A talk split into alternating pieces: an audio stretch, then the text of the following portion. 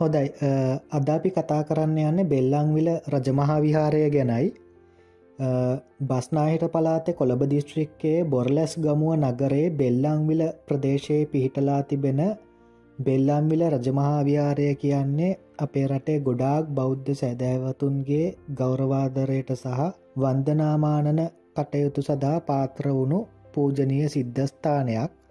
එවගේම අපි කවුරුත් දන්නව කාලෙන් කාලෙට විවිධ විදිය ප්‍රවෘත්ති මවපු විහාරස්ථානයක්. බෙල්ලාම්විල රජමා විහාරස්ථානය ගැන කියන්න කලින් අපි බලමු මුලින්ම මේ බෙල්ලං විල කියන නම කොහොමද හැදිල තියෙන්නේ කියලා. බෙල්ලං විල කිව්වම ගොඩක් අයි හිතනවා බෙල්ලං ඉන්න වෙලක් තිබ්බ නිසා මේ ප්‍රදේශය බෙල්ලං විල වුණා කියලා. හැබැයි අපේ ආදරනීයසා ගෞරවනී අරිසෙන් අහුබුදු ශූරීන්ට අනුව බෙලි ආන්විල බෙල්ලාන්විල බෙල් අන්විල විදිහට විකාශනය වුණා කියලා තමයි එතුමා කියන්නේ. එතුමාට අනුව ආන් සහ විල කියන්නේ පිළෙවලින් කැලයට සහ කුබුරට. ඒ නිසා එතුමාගේ මතය අනුව බෙල්ලංවිල කියන එකේ අර්ථය තමයි බෙලි කැලේ කුබුරුයාය කියන අර්ථය. බෙල්ලාම්බිල ප්‍රදේශය අයිති වෙන බොර්ලැස් ගමුව නගරේ නම ගැනත් විවිධ මත තියෙනවා. ඒ දැනට පවතින මතය තමයි කෝට්ටේ හයවෙනි පරාක්‍රම බව රජතුමා යාපනය රාජධානි ආක්‍රමණය කරන්න සූදානම් වෙනකොට රජතුමාගේ හමුදාවට බොර්ලස් ගමෝ ප්‍රදේශයෙන් වැඩි වශයෙන් තරුණොයින් එකතු වෙලා තියෙනවා. ඉතිං ඒ නිසා මේ බලය එකතු කළ ගම්මානය කියන අදහසින් හදුන්වපු බලරැස් ගම කියන නම ටිකෙන් ටික විකාශනය වෙලා තමයි මේ බොර්ලැස් ගමුව වුණා කියලා කියන්නේ. බෙල්ලම්විල රජමහාවිහාරයේ ඉතිහාසය සම්බන්ධයෙන් පැහැදිලි පුරාවිද්‍යාත්මක මූලාශ්‍ර නැති නිසා දැන්ට තියෙන ඉතිහාස කතාව ගොඩ නැගිල තියෙන සාහිත්‍ය මූලාශ්‍ර ජනප්‍රවාද සහ සංස්කෘතික කරුණු මුල් කරගෙන. එක්දස් පන්සි අසුවෙන් පස්සේ පෘතුගීසින් කෝට්ටේ රාජධානය අනුගමනය කරන ආක්‍රමණශීලී සහ දැඩි මර්ධනකාරී ප්‍රතිපත්තිය නිසා කෝට්ටේ රාජධානී සව්වේ ඉන්න හාමුදුරුවරු ප්‍රභූවරු සාමාන්‍ය මිනිස්සු සීතාවක සහ උඩරට රාජධානි පැතිවලට පලා යනවා. එහෙම පලායෑමත් එක්ක කෝට්ටේ රාජධානයේ ගොඩාක් ප්‍රදේශ ජනශූන්‍ය ප්‍රදේශ බවට පත්වෙනවා. ඉතිං කෝට්ටය රාජධානයේ දේශපාලනික ආගමික සහ ආර්ථිකය ඇති. මේ ප්‍රධාන ප්‍රදේශයක් වුණු වර්තමාන බොර්ලෙස් ගමුව ප්‍රදේශයට වෙන්නෙත් ඒකම තමයි. ඒ නිසා කල්යෑමත් එක්ක මේ ප්‍රදේශ පාලුවට ගිහින් ලදු කැලෑ සහ මහා ගණ කැලෑවලින් වෙහිලා යනවා. සියවස් ගණනාවක් ගියාට පස්සේ කියන හරියටම එක්දා සටසිය පණහාවුරුද්ධ වගේ අත්තිඩිය රජමා විහාරයේ තෙංගොඩ ගෙදර කියලා හාමුදුරු නමක් තොටියෙක් එක්ක මේ ප්‍රදේශයේ ජල මාර්ගයක් ඔස්සේ පැපිලියාන දිහාවට ගමන් කරනවා. එහෙම ගමන් කළේ කටුවෙල ඔස්සේ කියන එක තමයි දැන්ට පවතින විශ්වාසය ඉතින් මේ පැපිලියාන දිහාවට ගමන් කරන්නෙත් අර අපි කලින් සදාන් කරපු මේ පෘතුගීසි ආක්‍රමණය නිසා ජනශූන්‍ය වෙලා ගියපු මහා ගණ වනාන්තරයක් මැද්දේ. එහෙම ගමන් කරනකොට හාමුදුරුවන්ට බෙරහඩක් ඇහිල තියෙනවා. ඉතිං හාමුදුරුවෝ මේ යන ගමන නතර කල්ලා ඒ බෙරහඩ ඇහෙන දිශාවට ගිහින් තියෙනවා. එහෙම ගන වනාන්තරය පීරාගෙන ඇතුල්ට ඇතුල්ට ඇතුල්ට යන්න යන්න හාමුදුරුවන්ට බෙර ශබ්දය කැනැහෙන හඩත් වැඩි වෙලා තියෙනවා. මෙහෙම ගිහින් ගිහින් එක පාරට බෙරශබ්දය නතර වෙනවා. ඒ අවස්ථාවේදී හාමුදුරුවෝ නතර වෙන්නේ සරුවට වැඩුණු විශාල බෝගහක් ලග ඉතිං හාමුදුරුවන්ට ඇසුණු බෙරහඩ ගැන නන් ජනප්‍රවාද දෙකක් තියෙනවා. එකක් තමයි හාමුදුරුවන්ට මේ බෝධීන් වහන්සේ හොයාගන්න දෙව්වරු විසින් බෙරවාදනය කලා කියන මතය. අනිත් එක තමයි ඒ මොහොතේ දෙව්වරු බෝධීන් වහන්සේට ශබ්ද පූජා පවත්වමින් හිටියාය කියන කාරණාව. ඉතිං කොහොමහරි මේ බෝධීන් වහන්සේ එසේ මෙසේ බෝධීන් වහන්සේ නමක් නෙවේ කියලත් ඓතිහාසික බෝධීන් වහන්සේ නමක් කියලත් අදුරගන්න තෙංගොඩ ගෙදර හාමුදුරුවෝ බෝධීන් වහන්සේ වට එලි පෙහෙලි කරලා සුද්ධ පවිත්‍ර කරලා වර්තමාන බෙල්ලම්විල විහාරස්ථානය නිර්මාණය කිරීමේ මූලික අඩිතාලම තබනවා. අපේ රටේ බොහෝමයක් ඉතිහාසඥයන්ගේ මතය තමයි මේ බෙල්ලම්විල රජමහා විහාරස්ථානය වැඩ සිටින්නේ දෙතිස් පලරුහ බෝධීන්වහන්සේලාගෙන් එක් නමක් කියන එක. සිංහල බෝධිවංශය වගේ සාහිත්‍ය මූලාශ්‍රාරම් බැලුවම විජයශ්‍රීජයශ්‍රීමා බෝධීන්වහන්සේගේ වැඩමවීමෙන් පස්සේ බෝධීන්වහන්සේගෙන් අංකුර තිස් දෙකක් හටගත්ත කියලත් ඒ අන්කුර තිස් දෙක අපේ රටේ ප්‍රදේශ තිස් දෙකක රෝපණය කලා කියලත් සඳහන් වෙනවා. ඒ අන්කුර තිස් දෙකට අයත්වන බෝධීන් වහන්සේලා තමයි සාමාන්‍යයෙන් දෙතිස් පලරුහ බෝධීන් වහන්සේලා කියලා හදුන්වන්නේ. ඒ කාරණය සත්‍යයක් නං අනුරාධපුර රාජධානියෙන් පරිබාහිරව ඒ කියන වර්තමාන කොළඹ දිස්ත්‍රික්කේ කියන බස්නාහිර පලාතය කොළඹ දිස්ත්‍රික්කේ කොළඹ නගරයිදලත් කිලෝමීටර් ගණනාවක් ඈතින් තියෙන බොර්ලැස්ගමුව ප්‍රදේශයත් එවකට ජනාකීන ප්‍රදේශයක් විදියට තිබුණාය කියලා අපිට උපකල්පනය කරන්න පුළුවන්.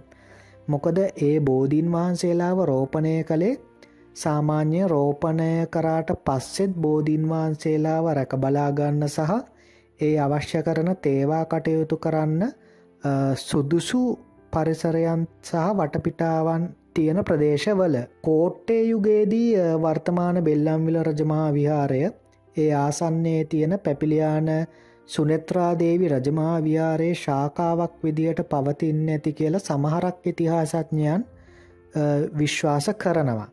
එවගේම තව සුප්‍රසිද්ධ මතයක් තියෙනවා මේ බෙල්ලම්විල රජමහා විහාරය එතකොට පැපිලියාන සුනෙත්‍රාදේවි රජමහා විහාරය ඒවගේම පැපිලියාන සුනෙත්‍රාදේවි පිරිවෙන මේ විහාරස්ථාන තුනම කෝට්ටේ යුගයේදී එකම තනි විහාරස්ථානයක් විදියට තිබෙන්න ඇති කියලා.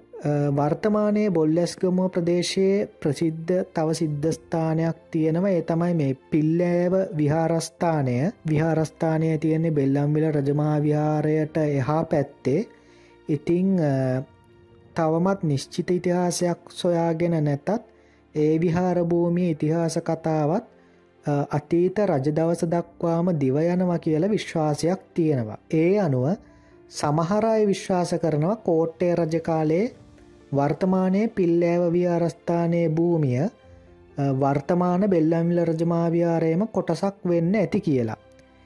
ඒ අතර තවත් සමාරු විශ්වාස කරනවා කෝට්ටේයුගේදී බෙල්ලම්විල රජමහාවිහාරය ශාකාවක් විදියට පිල්ලෑව විහාරස්ථානය තියෙන්න ඇති කියලත් හැබැයි මතකතියාගන්න ඕන කරුණ තමයි අපේ වැඩිහිටි අයට අනුව නම් මෑත කාලය වනතුරේ කැන මීට අවුරුදු හතලිහකට උඩදිත් පිල්ලෑව විහාරස්ථානය තියෙන ඒ භූමියයේ පිහිටලා තිබිල තියෙන්නේ බෝධීන් වහන්සේ විතරයි. ඒ බෝධීන් වහන්සේත් විජයශ්‍රී ජයශ්‍රී මහා බෝධීන් වහන්සේගෙන් හටගත්ත ශාකාවක්ද නැත්නං අපි සාමාන්‍යයෙන් කියන කාකබෝධි කියලා ඒ ඇනේ කුරුල්ලන්ගේ වර්චස්වලින් හටගත්තු ශාකයක්ද කියලා තාමන් නිශ්චිතව තහවුරු කරගෙන නෑ. බොල්ලැස්ගමුව ප්‍රදේශයේ විහාරස්ථාන රැසක් නිර්මාණය කරපු ලංකාව අවසංවරට එක්සේසත් කරපු රජතුමා විදියට සැලකෙන මේ කෝට්ටේ හයවෙනි පරාක්‍රම බව රජතුමා බෙල්ලම්විල බෝධීන් වහන්සේ වටේ රන් වැටක් සහිත ප්‍රාකාරයක් නිර්මාණය කලා කියලා මතයක් තියෙනවා. දැන් අපිට ප්‍රශ්නයක් තියනවා ඇයි බෙල්ලම්විල රජමා විහාරස්ථානයේ පුරාවිද්‍යාත්මක මූලාශ්‍ර නැත්ත ඇයි මේ සාහිත්‍ය මූලාශ්‍ර විතරක්ම තියෙන්නේ කියලා.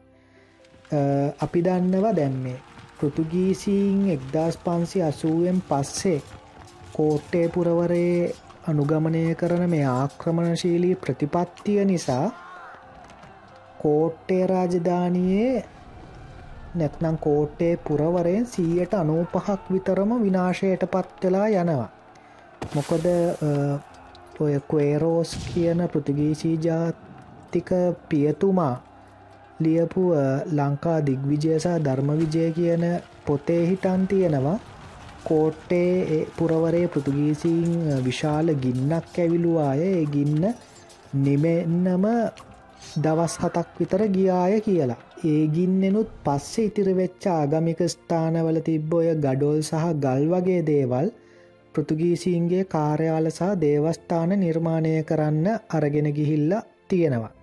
එවගේම දැන් රජරට අපි අනුරාධපුරය පොළොන්නරුව ගියාම අදටත් ඒ ප්‍රදේශවල මොකක් හෝ දේවල් එකන්න මේ මෙහෙම ශිෂ්ඨාචාරයක් තිබ්බාය කියලා අපිට දකින්න යමක් තියෙනවා. හැබැයි අපි කෝට්ටේ රාජධානයේ එකනේ අපි ඒ අවට ප්‍රදේශවල ඇවිද්දොත් අපිට එහෙමටම කියලා නටබුන් හම්බවෙන්න නැහැ.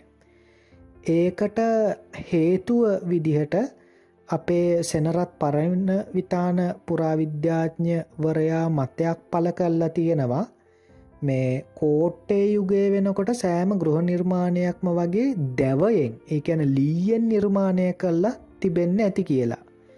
ඉතිං දැවයෙන් නිර්මාණය කරපු ඒව කොහොමත් ගිනිගන්නකොට විනාස වෙලා යනවා ඉතිං බෙල්ලම්විල රජමාවියාරයත් ඒ පුරාවිද්‍යාත්මක සාධක හමු නොවෙන්න ප්‍රධාන හේතුව ඒක විදිහට අපිට උපකල්පනය කරන්න පුළුවන් දැන් තෙංගොඩ ගෙදර හාමුදුරුවන්ගේ දල අද වෙනකම් මේ බෙල්ලම්බිල රජමාභ්‍යාරස්ථානයේ භාරකාරිත්වයට එමනැත්නම් මේ අපි කියන විහාරාධිපති පදවියට විවිධ ස්වාමීන් වහන්සේලා පත්වෙලා තියෙනවා.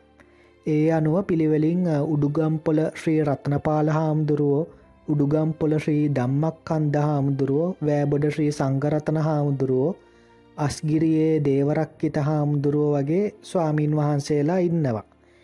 ඊටත් පස්සේ විහාරාධිපති දූරයට පත් වුණු අස්ගිරියේ දේවරක්කිත හාමුදුරුවන්ගේ සහෝදරයෙක් වෙන බෙල්ලම්විල ශ්‍රී සෝමරතන හාමුදුරුවන් හඳුන්වන්නේ වර්තමානයේ බෙල්ලම්විල රජමාවිහාරයේ සැබැහැ නිර්මාතෘවරය විදිහට. කටවචනයට වඩා ക്‍රියාවෙන් වැඩපෙන්නපු ගම්වැසියන්ගේ සුභසාධනය වෙනුවෙන් කැපවුණු ක්‍රියාකාරී හිමිනමක් විදිහට තමයි උන්වහන්සේ ප්‍රසිද්ධ ඒවගේම බෙල්ලම්විල රජමහාවිහාරස්ථානය ස්වර්ණමය යුගය විදිහටත් හඳුන්වන්නේ උන්වහන්සේ විහාරාධිපති දූරය දරපු කාලෙ. ඉතිං වර්තමානයේ විහාරස්ථානය දකින්න ලැබෙනෝ අපිට අලංකාර බුදුමැදුරක් එවගේම සුවිශාල දේවාල සංකීර්ණයක් තියෙනවා මෙව්වා මේ උන්වහන්සේගේ මෙහැවීමෙන් නිර්මාණය වෙච්ච ඉදිකිරීම් විදියට තමයි සැලකෙන්නේ.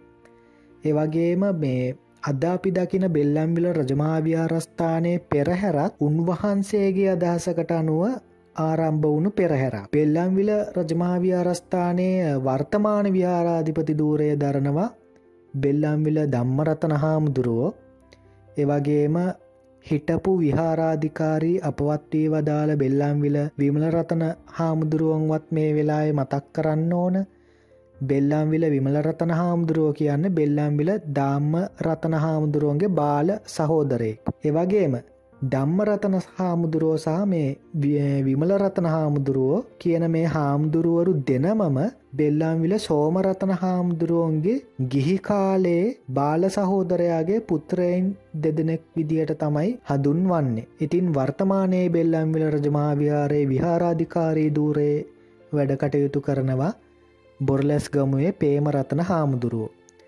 දැන් අපි බෙල්ලම්විල රජමාවියාරස්ථානය පෙරහැර පැත්තට චුට්ටක් යමු බෙල්ලම්විල රජමාවියාරස්ථානයේ පෙරහැර ආරම්භ වෙන එක්දස් නමසය හතලිස් හත අවුරුද්දේ. ඒකත් හරිම අපූරු කතාවක් ඒ කාලේ මේ ප්‍රදේශයේ ගවයන්ට කුරරෝගයක් හැදිල තියෙනවා. මේ කුරරෝගය සීග්‍රයෙන් පැතිරුණා කියලත් ඒ නිසා මේ ප්‍රදේශය කෘෂිකාර්මික කටයුතු අඩපන වෙන්න ගත්තාය කියලත් මේ ගැන ගම්වැසියන් සෝමරත්න හාමුදුරුවන්ට දැන්නුව කියලත් ඒ අවස්ථාවේදී සෝමරතන හාමුදුරුවෝ ගමුවටා පෙරහැරක් පවත්වන්න තීරණය කලා කියලත් සඳහන් වෙනවා. මේ පෙරහැර පැවැත්වීමේ අරමුණ වෙලා තියෙන්නේ බුද්ධ ධම්ම සංගරත්නය ආශිර්වාදයෙන් සහ බලයෙන් සහ බුද්ධශාසනය ආරක්ෂා කරන සියලුම සම්‍යදෘෂ්ටික දෙවිදේවතාවුන් වහන්සේලාගේ ආශිර්වාදයෙන් ගමට ඇති වෙලා තියෙන විපත දුරු කරන්න. ඉතිං පෙරහැර පවත්වලා ඉවර වෙනවත් එක්කම ගමේ ගවයින්ට හැදමින් තිබ්බ කුර රෝගය නතර වුණා කියලත් ගවයන් සුවපත් වනා කියලත් සඳහන් වෙනවා. ඊට පස්සේ මේ පෙරහැර එදා ඉදල අද දක්වාම කණ්ඩව පවත්වාගෙන එනවා. අද වෙනකොට ලංකාවේ පවත්වන ප්‍රධාන සහ රමණීය පෙරහැරක් විදියට මේ පෙරහැර සැලකෙනවා. හැබැයි මතකතියාගන්න ඕන විශේෂ දෙයක් තියෙනවා මේ පෙරහැර ගැන සදාන් කරනකොට බෙල්ලම්විල රජමාවිය අරස්ථානයේ පෙරහැර අද වෙනකොට ඇසල පෙරහැරක් විදියට තමයි පවත්වන්න අගෝස්තු මාසේ. හැබැයි බෙල්ලම්බිල රජමා විහාරස්ථානය පෙරහැර මුලදී ආරම්භ කිරිලා තියෙන්නේ දුරුතු පෙරහැරක් විදිහට ගෙන ජනවාරි මාසේ. එතකොට එක්දස් නමසය හතලිස් හත එක්දස් නමසය අතලිස් අට එක්දස් නමසය අතලිස් නමය අවුරුදු තුනේ දුරුතු පෙරහැරක් විදියට ජනවාරි මාසය පවත්වපු පෙරහැර තමයි එක්දස් නමසය පණහැ අවුරුද්දේදල අද වෙනකං ඇසල පෙරහැරක් විදියට ජූලි අගෝස්තු මාසවල් වල පවත්වනු ලබන්නේ. කාලයත් එක්ක අද වෙනකොට මේ ප්‍රධාන පෙරහැර සහ දිය කැපීමේ පෙරහැර හැරුණු කොට පෙරහැර මංගල්ලයට තවත් පෙරහැරවල් එකතු වෙලා තියෙනවා. ඒ අතර දේවදූත පෙරහැර එතකොට කුබල් පෙරහැර මල් පෙරහැර පාවාඩ පෙරහැර රංසිවිලි පෙරහැර වගේ පෙරහැරවල් තියෙනවා ඊට පස්සේ අවසානයට යනවා රන්දෝලි මහා පෙරහැර. දැන් පාවඩයක් මතින් පෙරහැරක් ගමන් කරන නිසා පාවඩ පෙරහැරට ඒ නම ලැබුණාය කියලත් අද වෙනකොට නැතත් ඉස්සර පෙරෑර අවසානය රන්වියනක් කරංගිහිල්ල තියෙනවාය කියලා ඒ තියෙන විශ්වාසය මත රන්සිවිලි පෙරෑරට එනම ලැබුණාය කියලත් ඔය රජතුමාගේ අගමෙහෙසිය එකැන රන්දෝලි ගමන් කරන දෝලාව සහිත පෙරෑර කියන අර්ථයෙන් ඒ පෙරෑරට රන්දෝලි පෙරහැර කියන නම ලැබුණාය කියලත් සඳහන් වෙනවා. දේවදූත පෙරහැර යම් කිසි විශේෂත්වයක් තියෙනවා මේ බෙල්ලම්විල රජමහා විහාරයේ බෙල්ලමිල රජමාවියාරයේ දේවදූත පෙරහැර සවස් කාලයේ තමයි ආරම්භ වෙන්නේ. එහෙම ආරම්භවෙලා ගමේ තෝරගත්තු එක් මාර්ගයක් ඔස්සේ ගිහිල්ලා ගමවටා බොල්ලස් ගමුවේම තියෙන තෝරාගත්තු විහාරස්ථානයකට සම්ප්‍රාප්ත වෙනවා. ඊට පසේ විහාරස්ථානයේ තියෙන ත්‍රිවිධ චෛත්‍ය සහ දේවාලය මුල්කරගෙන විවිධ චාරිත්‍ර කටයුතු සහ ආගමික වතාවත් සිද්ධ වෙනවා ඒ සිද්ධ වෙන අතරේ පෙරහැරේ ගමන් කරපු අයට ඒ අදාළ විහාරස්ථානයේ දායකයෝ සංග්‍රහ කටයුතු කරනවා. මේ විදියට පැයක් එක හමාරක් විවේක අරගෙන තමයි ඒ විහාරස්ථානයේ ඉදලා එදාරෑ තියෙන දොරකඩස්න වෙනුවෙන් බෙල්ලමිල රජමහාවිහාරයට ආයිත් ඒ පෙරහැර පිටත් වෙන්නේ. එතකොට එහෙම තෝරගන්න විහාරස්ථාන ගැන ගත්තොත් ප්‍රධාන විහාරස්ථාන දෙකක් තියෙනවා එකක් තමයි සුප්‍රසිද්ධ පැපිලියාන සුනත්‍රාදේවි පිරිවෙනට එහා පැත්ත තියෙන කාගෙත් වැඩි අවධානයකට පාත්‍ර නොවෙන සුනත්‍රාදේවි රජමහාවිහාරයේ පැපිලියානේ අනිත් විහාරස්ථානය තමයි රත්තන පිටිය පරමධම්ම වර්ධනාරාම විහාරස්ථානය. දැන් අපි බෙල්ලම්විල රජමහා විහාරස්ථානයේ අංග දිහාවට එමු. එතකොට බෙල්ලම්විල රජමහා විහාරස්ථානයේ බුද්ධ මන්දිරය ගැන කතා කරන මනං බෙල්ලම්විල රජමා විහාරස්ථානයේ පළමු සහ පැරණිම බුදුමැදුර නිර්මාණය කල්ලා තියෙන්නේ දැන් අද අපි ඔය බෙල්ලම් වෙල රජමා විහාරස්ථානයට පිවිසිල්ලා චෛත්‍ය පැත්තට යනකොට තියෙන දේවාල භූමිය තියෙනවනේ. ඒ දේවාල භූමියයේ තමයි පළවෙනි බුදුමැදුර නිර්මාණය කල්ල තිබිල තියෙන්නේ. ඒ බුදුමැදුරත් එක්ක විශ්ණු දේවාලයක් එකන එකට එකතු කරලා තමයි තිබිල තියෙන්නේ. ඉතිං ඊට පස්සේ බෙල්ලම්බිල සෝමරතන හාමුදුරුවෝන් විහාරාධිපති දූරයට පත්වෙලා උන්වහන්සේ විහාරාධිපති දූරය දරණ කාලයේත් සෑහෙන කාලයක් ගියාට පස්සෙ තමයි අද අපි දකින ඔය මහා සුවිශාල බුද්ධ මන්දිරය නිර්මාණය වෙන්නේ. එවගේම අද අපි දකින දේවාල සංකීර්ණය නිර්මාණය වෙන්න. ඒ දේවාල සංකීර්ණය නිර්මාණය වෙන්නෙත් එක්දස් නවසය හතලිහේ අවුරුද්ධෙන් පස්සේ කියලා තමයි කියන්නේ. එතකොට අදාපි ඔය තියෙන දේවාල සංකීර්ණය තුළට ගියොත් එතන ඔගොල්ලොන්ට පේන ඇති ප්‍රධාන කොටසක් වෙන් කල්ල තියෙන ඒ ප්‍රධාන කොටස තියෙනවා ශ්‍රී විෂ්ණු දේවාලය සහ බුදුමැදුරවල් දෙකක්. බොහොම කුඩා බුදුමැදුරවල් දෙකක් මේ දේවාල සංකීර්ණය ඇතුළේ එතකොට ඒ ශ්‍රී විෂ්ණු දේවාලයේ කුටියසා ඒ බුදුමැදුරු කුටි දෙක තමයි අර අපි කලින් සදාන් කරපු බෙල්ලාම්බිල රජමාවියාරය නිර්මාණය කරපු පළමු සහ පැරණිම බුද්ධ මන්දිරය. එතකොට අපිට පේනවා අද වෙනකොට තියෙන දේවාල සංකීර්ණය නිර්මාණය කරලා තියෙන්නේ අර පැරණි සහ පළමු බුදුමැදුරවල් දෙක සහ ශ්‍රී විෂ්ණු දේවාලය වටේට මැදි කරලා තමයි අද වෙනකොට ඒ දේවාල සංකීර්ණය නිර්මාණය වෙලා තියෙන්නේ. ඉතිං අද ශ්‍රී විෂ්ණු දේවාලය පැත්තට ගියොත් නැත්නගේ දේවාල සංකීන ඇතුළට ගියොත් ඕගොල්ලොන්ට දැකගන්න පුළුවන් පරණ බුදුමැදුරවල් දෙක. ඊට පස්සේ අපි සඳහන් කරා මේ විශාල බුදුමැදුර ගැන. ඒ විශාල බුදුමැදුර ගැනත් අපිට කියන්න ගොඩාක් දේවල් තියෙනවා. බෙල්ලම්විල රජමා විහාරස්ථානයේ තියෙන මේ වර්තමාන විශාල බුදුමැදුර අපිට කරුණු කිහිපයක් නිසා අපේ රටේ තියෙන සුවිශේෂී බුද්ධ මන්දිරයක් විදියට දක්වන්න පුළුවන් ඒ අතරින් එකක් තමයි මේ මන්දිරය ආකෘතිය පොළොන්නරුවේ මහා පරාක්‍රම් බව රජ්ජුරුවන්ගේ නිර්මාණයක් වෙච්ච පොළොන්නරු ජේතවනාරාම පිළිමගේ ආකෘතියක් අනුව නිර්මාණය කල්ල තිබීම.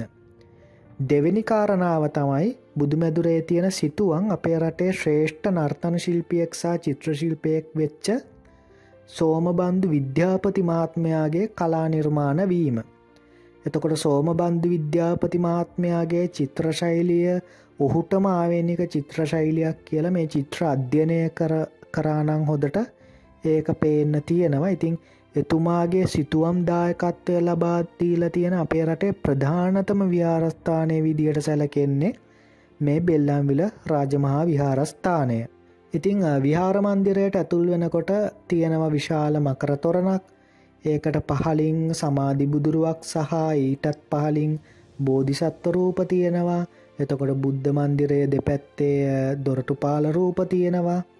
ඒවා අපි දකින දේවල්. ඊට පස මේ බුද්ධ මන්දිරේ පිටත ආකෘතිය ගත්තොත් ඔය බහිරවරූප හංසරූපවලට උඩින් ඇත්රූපවලට මුඩින් මහා පරාක්‍රම්බාහු මහා විජයබාහු දුටු ගැමුණු නිශ්ශංකමල්ල හයවෙනි පරාක්‍රම් බව් වගේ රජවරුන්ගේ රූප අබල තියෙනවා දැකගන්න පුළුවන්. ඊට පස්සේ බුද්ධ මන්දිර ඇතුළ ගත්තොත් ඇතුළ ප්‍රධාන වශයෙන් කොටස් හතරකට බෙදලා තියෙනවා ප්‍රධාන දොරටුවෙන් ඇතුල් වුනාම තියෙන්නේ ප්‍රධාන කොටස මේ කොටස දෙපැත්තෙ කුළුණු දාසයක් තියෙනවා. මේ පොළොන්නරු යුගයට අයිති සාම්ප්‍රදායික අලංකාර මල් කැටයම් වලින් සරසලා එතකොට බුද්ධ මන්දිරයේ මධ්‍යයේ තියෙනවා. ඒ කියන ප්‍රධාන දොරටුව දෙසට මුහුණලා සිටිනවා හිටි බුද්ධ ප්‍රතිමා වහන්සේ නමක්. සාමාන්‍යයෙන් කියවෙන්නේ අනුරාධපුරය අවකන බුද්ධ ප්‍රතිමාවේම ආකෘතියක් කියලා. උසාඩි හතලිහක් වෙනවා. එතකොට ප්‍රධාන කොටසට දකුණු පසිංසා වම් පසින් දෙවැනි සහ තුන්වෙනි කොටස් වලටත් මේ දෙවනිසා තුන්වෙනි කොටස් ඇතුළෙන් හතරවෙනි කොටසටත් පිවිසෙන්න පුළුවන්. එතකොට හිටි බුද්ධ ප්‍රතිමාවට පිටු පස්සෙ තියෙන්නේ හතරවෙනි කොටස ඒ හතරවෙනි කොටසේ පරිනිර්වාණ බුදු පිළිමයක් තියෙනවා දිගින් අඩි විසිහතක් වෙන මේ පිළිමයත් පොළොන්නරූ වේ ගල්විහාරයේ සැතපෙන බුද්ධ ප්‍රතිමාව පාදක කරගෙන නිර්මාණය කලා කියලා තමයි කියන්නේ. පරිනිර්වාණ ප්‍රතිමාව ආසන්නේ අපිට දකින්න පුළුවන් මෛත්‍රී බෝධිසත්ව ප්‍රතිමාවක් ඒ වගේම මේ ඉහළ කොටස්වල ඉහළ බිත්තිවල අපිට දකින්න පුළුවන් සූවිසි විවරණය නිරූපණය වෙන ප්‍රතිමා.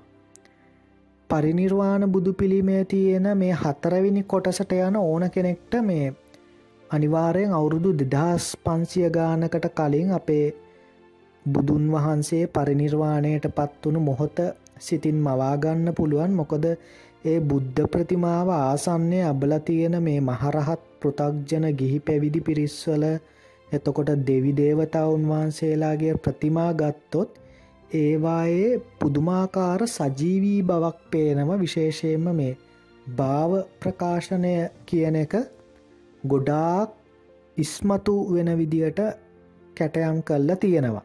බුද්ධ මන්දිරේ ඉතිරි කොටස්වල සමාධිරියව්වෙන් වැඩඉන්න එකම ආකෘතියෙන් නිර්මාණය වෙච්ච ප්‍රතිමා තුනක් දැකගන්න පුළුවන් එක ප්‍රතිමාවක් දෙ පැත්ත සාරිපුත්ත මොග්ගල්ලාන අගසව් දෙනමගේ ප්‍රතිමා අබලා තියෙනවා. බුද්ධ මන්දිරයේ තියෙන සිතුවම් ගත්තොත් මේ සිතුවම් අවදි දෙකකදී සිතුවම් වුණු ඒව විදියට තමයි ඉතිහාස කතාව තියෙන්නේ. පලවෙනි අවදියේ කියන බෙල්ලාම්විලට සෝමරතන නායක හාමුදුරුවන්ගේ යුගයේදී සිත්තම් කරපු සිතුවම් පස්සෙ කාලෙක මේ මේ බුද්ධ මන්දිරේ බිත්තිවල බදාම ගැලවීයාමේ හේතුවක් නිසා විනාශයට පත්වලා තියෙනවා.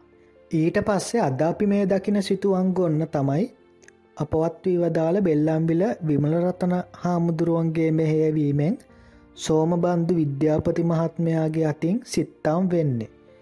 ඒ අසූුව දශකය අගභාගයේදී වගේ. එතකොට අර අපි කලින් සදාන් කරපු ඉපැරණි සිතුවම් ගත්තොත් ඒ ඉපැරණි සිතුවම් වලින් එක සිතුවමක් ඒ කියන දේවාරාධනාව සිතුවම විතරක් අදටත් ඒ බුදුමැදුරේ ඉතුරු වෙලා තියෙනවා. ඕගොල්ලොන්ට ඒක දකින්න පුළුවන්. ප්‍රධාන දොරේ උඩ බිත්තියේ කියන්නේ හිටි බුද්ධ ප්‍රතිමාව ඉදිරිපස තියෙන බිත්තියේ උඩ ඒ දේවාරාධනාව කියන චිත්‍රය දැකගන්න පුළුවන්. එතකොට ඒක ලේසියෙන් අදුරගන්න පුළුවන්. මොකොද සෝමබන්ධු විද්‍යාපති මාත්මයාගේ චිත්‍රශෛලියට හාත් පසිම වෙනස් චිත්‍රශෛලියකින් තමයි ඒක සිතුවම් කල්ල තියෙන්නේ. ඒකත් මේ මොහොත අද වෙනකොට ටිකක් විනාශයට පත්වෙලා තියෙනවා. බුද්ධ මන්දිරයේ සිතුවම් කල්ලා තියෙන බිතු සිතුවම් ගත්තොත් එව්වා එකැන සාමාන්‍ය ප්‍රධාන වශ්‍යයෙන් කොටස් තුනකට බෙදන්න පුළුවන් එ තමයි බුද්ධ චරිතය මහාවංශයන ඓතිහාසික සිදුවීම් සහ බෙල්ලාම්විල රජමාවියාර ඉතිහාස කතාව කියන ප්‍රධාන කොටස් තුන.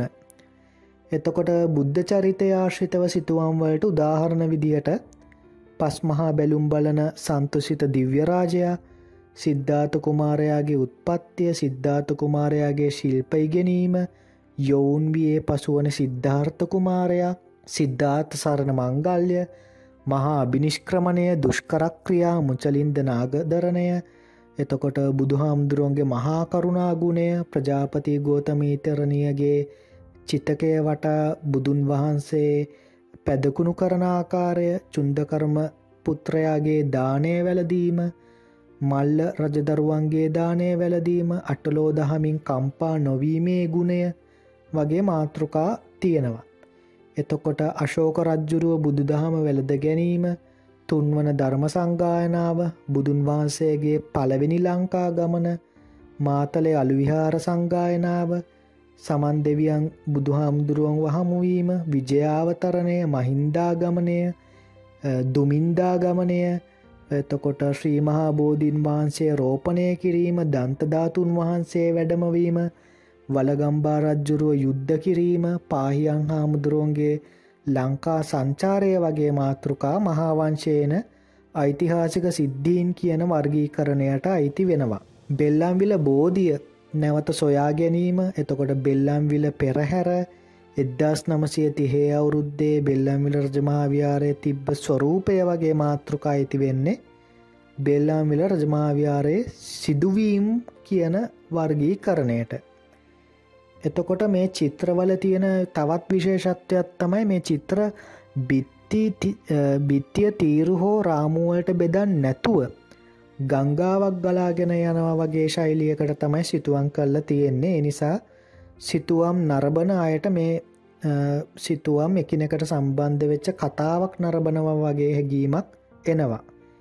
ඊට අමතරව බුදුමැදුරේ තියෙන සියලුම හිඩැස් සාම්ප්‍රදායික ඉපැරණි සිංහල සැරසිලි මෝස්තරවලින් පුරවලා තියෙනව එක බිත්තියක එක අංශු මාත්‍රයකවත් ඉඩක් ඉතුරු නොකර.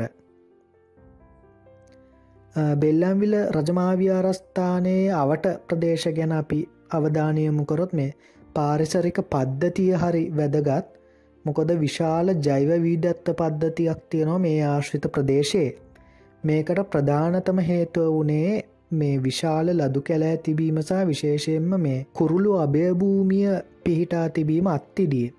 එතකොට එක්දස් නමසය අනුව වර්ෂයේදී කුරුළු අභයභූමියක් විදියට නංකරපු මේ කුරුළු අභයභූමිය බෙල්ලම්විල රජමාවියාරය වටා සහ ඒක සම්බන්ධ කරගෙනම තමයි ඒ පද්ධතිය ගොඩනැගිල තියෙන්නේ. එනිසා මේ ප්‍රදේශය සාමාන්‍යයෙන් අපි හඳුන්වන්න දේශීය සහ විදේශීය පක්ෂීන්ගේ රජදහනක් විදිහට. එතකොට ඒ අතරේ ගොඩාක් විදේශීය පක්ෂීන් ඉන්නව. ඒවගේම ලංකාවේ දේශීය පක්ෂීන් ඉන්නවා. ඒ අතරිනුත් ලංකාවේ වදවීයාමේ තර්ජනයට ලක්වුණු පක්ෂීනුත් ඉන්නවා. මේ පක්ෂීන් විතරක් නෙමේ මේ උරගයෝ එතකොට මත්ස්‍ය සම්පත් ශීරපායින්ගේම විශාල ප්‍රමාණයක් ඉන්නෝ මේ ප්‍රදේශවල. ඉස්සරණ හිවල්ලු හිටන් හිටිය. ප්‍රදේශය තෙත්බිමක් විදිහටත් නම් කරලා තියෙනවා. ඉතිං ඊට අමතරව මේ ප්‍රදේශය කුබුරු එතකොට වෙල්යායවල් වලින් ස්වයම්පෝෂිතයි පරිපූර්ණයි. වැව් තියෙනවා ගංගා තියෙනවා ඇලදොල තියෙනවා. එනිසා මේ ස්වභාව සෞන්දර්ය අතින් සශ්‍රීක ප්‍රදේශයක් විදියට නම් කරන්න පුළුවන්. ඊළඟට බොල්ලස්ගමුව ග්‍රාමයේ මේ බෙල්ලම්විල රජමාවියාරය ආසන්නේ තියෙනවා රජමාවියාරස්ථාන දෙකක්. මේ දෙකේම නම් මම මීට කලිනුත් කිව්වා.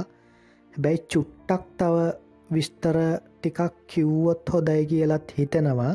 ඒ අතරින් පිළිවෙලින් කිලෝමීටර් එකයි දශම තුනකින්සා පිළිවෙලින් කිරෝමීටර් එකයි දශම හයකින් පිහිටලා තියෙන මේ පැපිලයාන සුනෙත්‍රාදේවී රජමහාවියාරස්ථානය සහ පැපිලියාන සුනෙත්‍රාදේවි පිරිවෙන තමයි මට උවමනාව තිබ්බේ පොඩ්ඩක් සුළු හැදින්වීමක් සිද්ධ කරන්න. මොකද කෝට්ටේ හයවෙනි පරක්‍රම් බෞරජ්ජුරුවෝ තමන්ගේ මෑනියන්ව සිහිවීම පිණිස තමයි මේ විහාරස්ථාන දෙකම කරවන්නේ.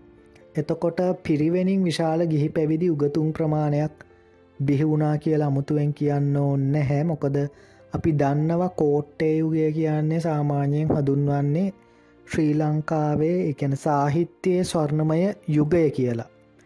එතකොට මේ විශේෂයෙන් මතක තියාගන්න ඕන දෙයක් තමයි දැන් මේ පැපිලියාන සුනත්‍රාදේවි පිරිවෙන හරි ප්‍රසිද්ධයි අපේ රටේ. හැබැයි පැපිලියාන සුනත්‍රාදේවි රජමහාවියාරස්ථානය ගැන මේ කට්ටිය දන්නේ නැහැ. සමහරු හිටනවා පැපිලියාන සුනත්‍රාදේවි පිරිවෙනම තමයි පැපිලියාන සුනත්‍රාදේවි රජමාවියාරස්ථානය කියන්න කියලා. නමුත් රජමහාවියාරස්ථානය පීටලා තියෙන්නේ තව පැපිලියාන සුනත්‍රාදේවි පිරිවෙනේ ඉදල මීටර් දෙසීයක් එහා පැත්තේ සාමාන්‍යයෙන් පැපිලියාන හන්දියේ තියෙන්නේ පැපිලියාන සුනත්‍රාදේවි පිරිවෙන. හැබැයි මීටර් දෙසීයක් විතර ගියාම තමයි රජමාවියාරය හම්බ වෙන්නේ. එතකොට හන්දියේ තියෙන නිසා සමාරවිට පැපිලියාන සුනට්‍රාදේවී පිරිවෙන ප්‍රසිද්ධයි. සහ විශේෂයෙන්ම වර්තමානය ව්‍යාරාධිපති නැත්නම් පරිවේනාධිපති දූරඉන්න මැදගොඩ අබේතිස් සහ ආමුදුරුවෝ සහ උන්වහන්සේගේ ගුරු ආමුදුරුව වෙච්ච අපවත්වී වදාල මැදගොඩ සුමන තිස්ස හාමුදුරුවෝ වගේ කියන උන්වහන්සේලා අපේ රටේ සුප්‍රසිද්ධ නමක් දිනාගෙන ඉන්න සා හිටපු හාමුදුරුවරු නිසත් ඒ පිරිවෙන් ප්‍රසිද්ධයි. හැබැයි රජමහා විහාරස්ථානය තියෙන්නේ අල්ලපු ඇටේ කියන තව ටිකක් එහාට ගියාම තමයි රජමහා විහාරස්ථානය තියෙන්නේ. හැබැයි පරාක්‍රම බව රජ්ජුරුව හයවෙනි පරාක්‍රම් බව රජ්ජුරුව මේ සුනෙත්‍රාදේවී කියල එක විහාරස්ථානයක් තමයි කරවන්න ඒ විහාරස්ථානයේ පිරිවෙනක් විදියට තමයි මේ පවත්වාගෙන ගිහිල්ල තියෙන හැබැයි පස්සෙ කාලෙක මේ මේ පිරිවෙනයි මේ විහාරස්ථානය මැද්දෙන් හන්දියක් හැදිල මහාමාර්ගයේදී වෙලා මේ පිරිවෙනසා විහාරස්ථානය දෙකට වෙන් වෙලා තියෙනවා. ඉතිං ඒක ප්‍රතිඵලයක් විදියට තමයි අද වෙනකොට පැපිලියාන සුනත්‍රාදේවි පිරිවෙන සහ පැපිලියාන සුනත්‍රාදේවි රජමාවියාරස්ථානය දෙක වෙං වෙලා පරිපාලන දෙකක් විදිහට යන්නේ. ඉතිං ඕක තමයි බෙල්ලම්විල රජමාවියාරස්ථානය ගැන මට දැනගන්න ලැබිච්ච තොරතුරු එතකොට මේ තොරතුරු හොයද්දී අනිවාරයෙන්ම සහයවෙච්ච අපේ මේ හිමි නමක් ඉන්නවා. උන්වහන්සේ වනිවාරය මතක් කරන්න ඕන. බෙල්ලම්විල රජමාවියාරවාසී පූජ්‍ය උඩුගම්පොල හේමරතන අපේ හාමුදුරුවෝ. හේමරත්න හාමුදුරුවෝ තමයි මේ දත්ත සහ තොරතුරු වලින් වැඩි ප්‍රමාණයක් මට ලබා දුන්නේ. ඊට පස්සේ බෙල්ලම්විල රජමාවිය අරස්ථානයේ වෙබ් අඩවියත් පරිශීලනය කරා. බෙල්ලම්විල.org කියන වෙබ් ඇඩ්‍රස් එකට ගියොත් ඕගොල්ලොන්ටත් පුළුවන් මේ තොරතුරු බලන්න. ඊට අමතරව තව පොත් දෙකක් භාවිතයට ගත්තා එකක් තමයි ඓතිහාසික බෙල්ලං විල කියන කෘතිය. අනිත් එක ශ්‍රී ලංකා වන්දනා ගමම් මග කියන කෘතිය. ඉතිං ඕක තමයි අද දවසේ අපේ වැඩසටහන.